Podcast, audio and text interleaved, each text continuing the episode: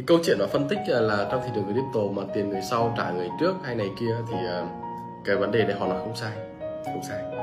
Nhưng mà nó có một cái điểm đặc biệt đó chính là cái tiềm năng tương lai của nó. Mình sẽ không nói theo một cách mù quáng giống như một số cái fan một số đồng coin này kia ha. Cứ tưởng này kia nó tuyệt vời. Và chúng ta đang nhìn thấy là uh, bản chất của, của crypto mình đã nói từ đầu trong một cái video trước đó mình nói về money game ha mình nói về thị trường crypto thì mình đã nói đây là một cái money game. Từ 27 đó là một money game đặc sắc luôn. Sau đấy 2019 cũng là một money game lớn. Bây giờ vẫn là một money game. Nhưng mà cái cuộc chơi money game càng ngày càng được đưa vào hệ thống, đưa vào được pháp luật. Và cho đến sau này nó vào pháp luật thì nó vẫn là một money game. Mãi mãi là một trò chơi tài chính. Vì cuộc chơi về tài chính tiền bạc lúc nào nó sẽ là money game. Chẳng có cái money game đấy người ta cảm thấy nguy hiểm hay là an toàn đâu. Nếu nguy hiểm với người không biết là an toàn là lợi nhuận lớn với những người có kiến thức. Thì các bạn đã nghe rồi mà. Nếu chơi cờ bạc mà không có kiến thức à nếu chơi tài chính hay kiếm đánh, hay đầu tư mà không kiến thức thì nó giống như cờ bạc. Mà chơi chơi cờ bạc mà có kiến thức thì nó giống như đầu tư. Thì cái này người ta nói rất là nhiều đúng không? Thì trong cái thị trường crypto nó y chang vậy người có kiến thức thì người ta kiếm lời được thị trường này. Còn người không kiến thức thì vào đây cũng khác gì là cờ bạc. Cho nên mình thấy là hiện tại thị trường crypto là vẫn là mang tỷ lệ cao vì vì cái giá trị tương lai đẩy lên theo chiều dài thời gian. Dẫn tới là cho dù những người đu đỉnh năm 2017 đu giá bitcoin 20 ngàn bây giờ đã bây giờ đã lãi rồi mà. Đúng không ạ? Thì có những người đu giá còn cao hơn nữa, hiện tại vẫn đã lời rồi mà. Cho nên là mình thấy là theo chiều dài thời gian này thì những người mà đến kiên nhẫn thì vẫn là mang lãi mà. Chỉ những người chấp nhận thua, cắt lỗ đi thì mới thua. Nên là may mắn là cái trò money game này thì nó vẫn còn tăng và đang ở trong đà cái nhịp tăng của thị trường, tăng theo cái xu thế kinh tế và xu thế của công nghệ.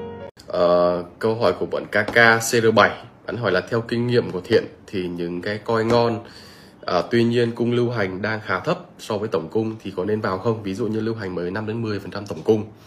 Uh, đây là một câu hỏi liên quan đến cái cáp. Uh, thường mà một cái con mà nó chỉ mới ra được khoảng tầm 5 đến 10 tổng cung á, thì chúng ta không phải chỉ đơn giản là chỉ xem như vậy mà chúng ta phải đọc rõ hơn về trong cái tokenomics của nó.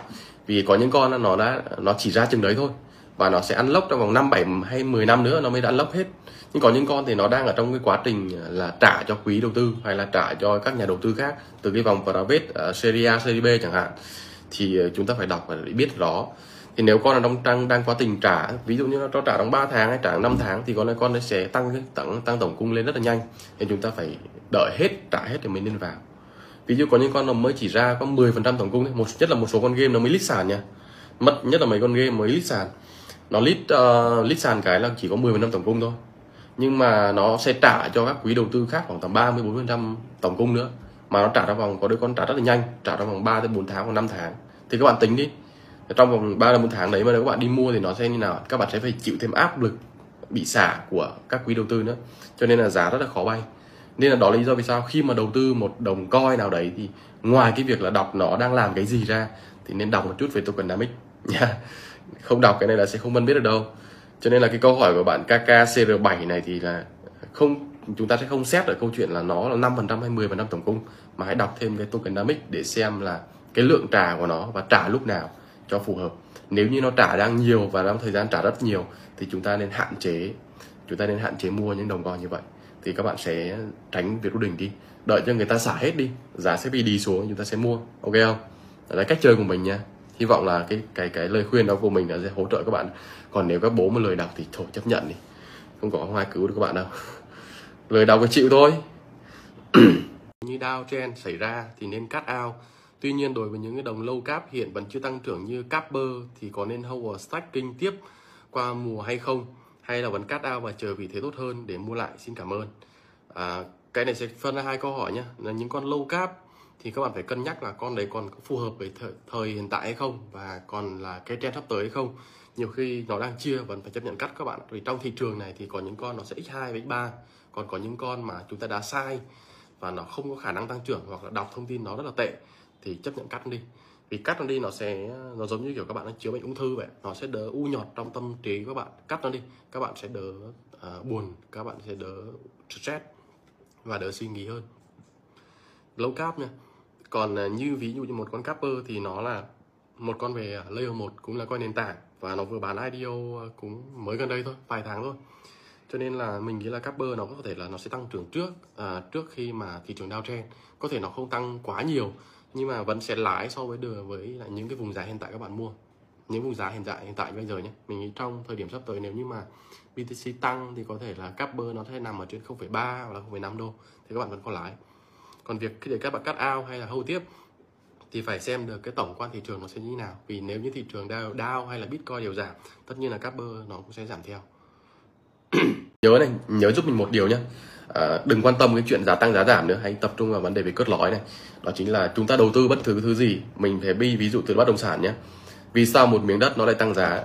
Không phải đơn giản là vì cò nó lái đất tăng đâu các bạn ạ mà vì cái người dùng người ta dùng nhiều và người ta cần cho nên giá mới tăng lên à, một miếng đất mà nó nằm ở ngay cái chỗ mà rất là nhiều người đi lại và chỗ đó buôn bán tốt thì giá nó sẽ tăng lên tăng đều tăng đều lên đúng không ạ? Vì sao ạ? Vì cái thật sự là cái lợi ích của nó mang lại cái giá trị của nó mang lại. Cho nên nó cần phải được tăng giá lên. Đúng nào? Thì trong coi cũng vậy layer một cũng vậy hay layer hai cũng vậy quan trọng là nó phải phù hợp với lại thị trường. Nên khi các bạn đọc á đọc một cái dự án các bạn phải xem nó có phù hợp với tương lai hay không. Ví dụ như mình nói là vấn đề về web 3 thì con đốt chắc chắn nó phải tăng vì cái con nó là cái con chủ yếu ở trong cái mảng về web 3.0 hay là như là con Solana con Lia cũng vậy cái thời điểm mà mình làm video về hai con đấy mình cũng bảo rằng đây là hai con nền tảng chắc chắn nó phải tăng. Vì vì cái nhìn cái cách mà nó làm đi cách nó đi từ cái việc là công nghệ của nó từ cách à, marketing của nó từ cách mà nó làm thực tế trên nó nó khắc phục rất là nhiều cái lối của Ethereum và phát triển mạnh mẽ hơn Ethereum rất là nhiều. Bên cạnh đấy thì nó list sàn lớn được các cái tổ chức lớn hỗ trợ thì các bạn nhìn thấy cái tiềm năng của nó. Hiện tại nó đã chứng minh được những gì mình nói và đã chứng minh được những gì nó đã đã hứa trong cái thời điểm nó làm bị à, nó nó bắt đầu ra dự án. Thì nó chứng minh bằng cái giá trị của chính nó cho nên cái câu hỏi à, cái câu hỏi liên quan đến việc là bạn đầu tư layer 1 hay layer 2 ấy, thì các bạn nên tập trung lại cái cái đồng coi layer 1 hay layer 2 các bạn muốn đầu tư thì nó hỗ trợ và phục vụ trong cái mảng gì trong tương lai. Và chính các bạn phải tự nhìn nhận là nếu mình là một người dùng thì mình cảm thấy cái cái con này nó có phù hợp hay không có chứ còn nếu như các bạn mà đầu tư vào một số cái con mà tất nhiên là nó cũng không phù hợp lắm nhưng mà nó vẫn tăng trưởng thì các bạn uh, nghĩ rằng là nó mình đã làm đúng ấy và làm ok thì chẳng qua bạn may mắn thôi. Biết đâu uh, là chẳng qua là có một cái đội cá hoặc đội em em tốt nó đẩy giá con đấy thôi.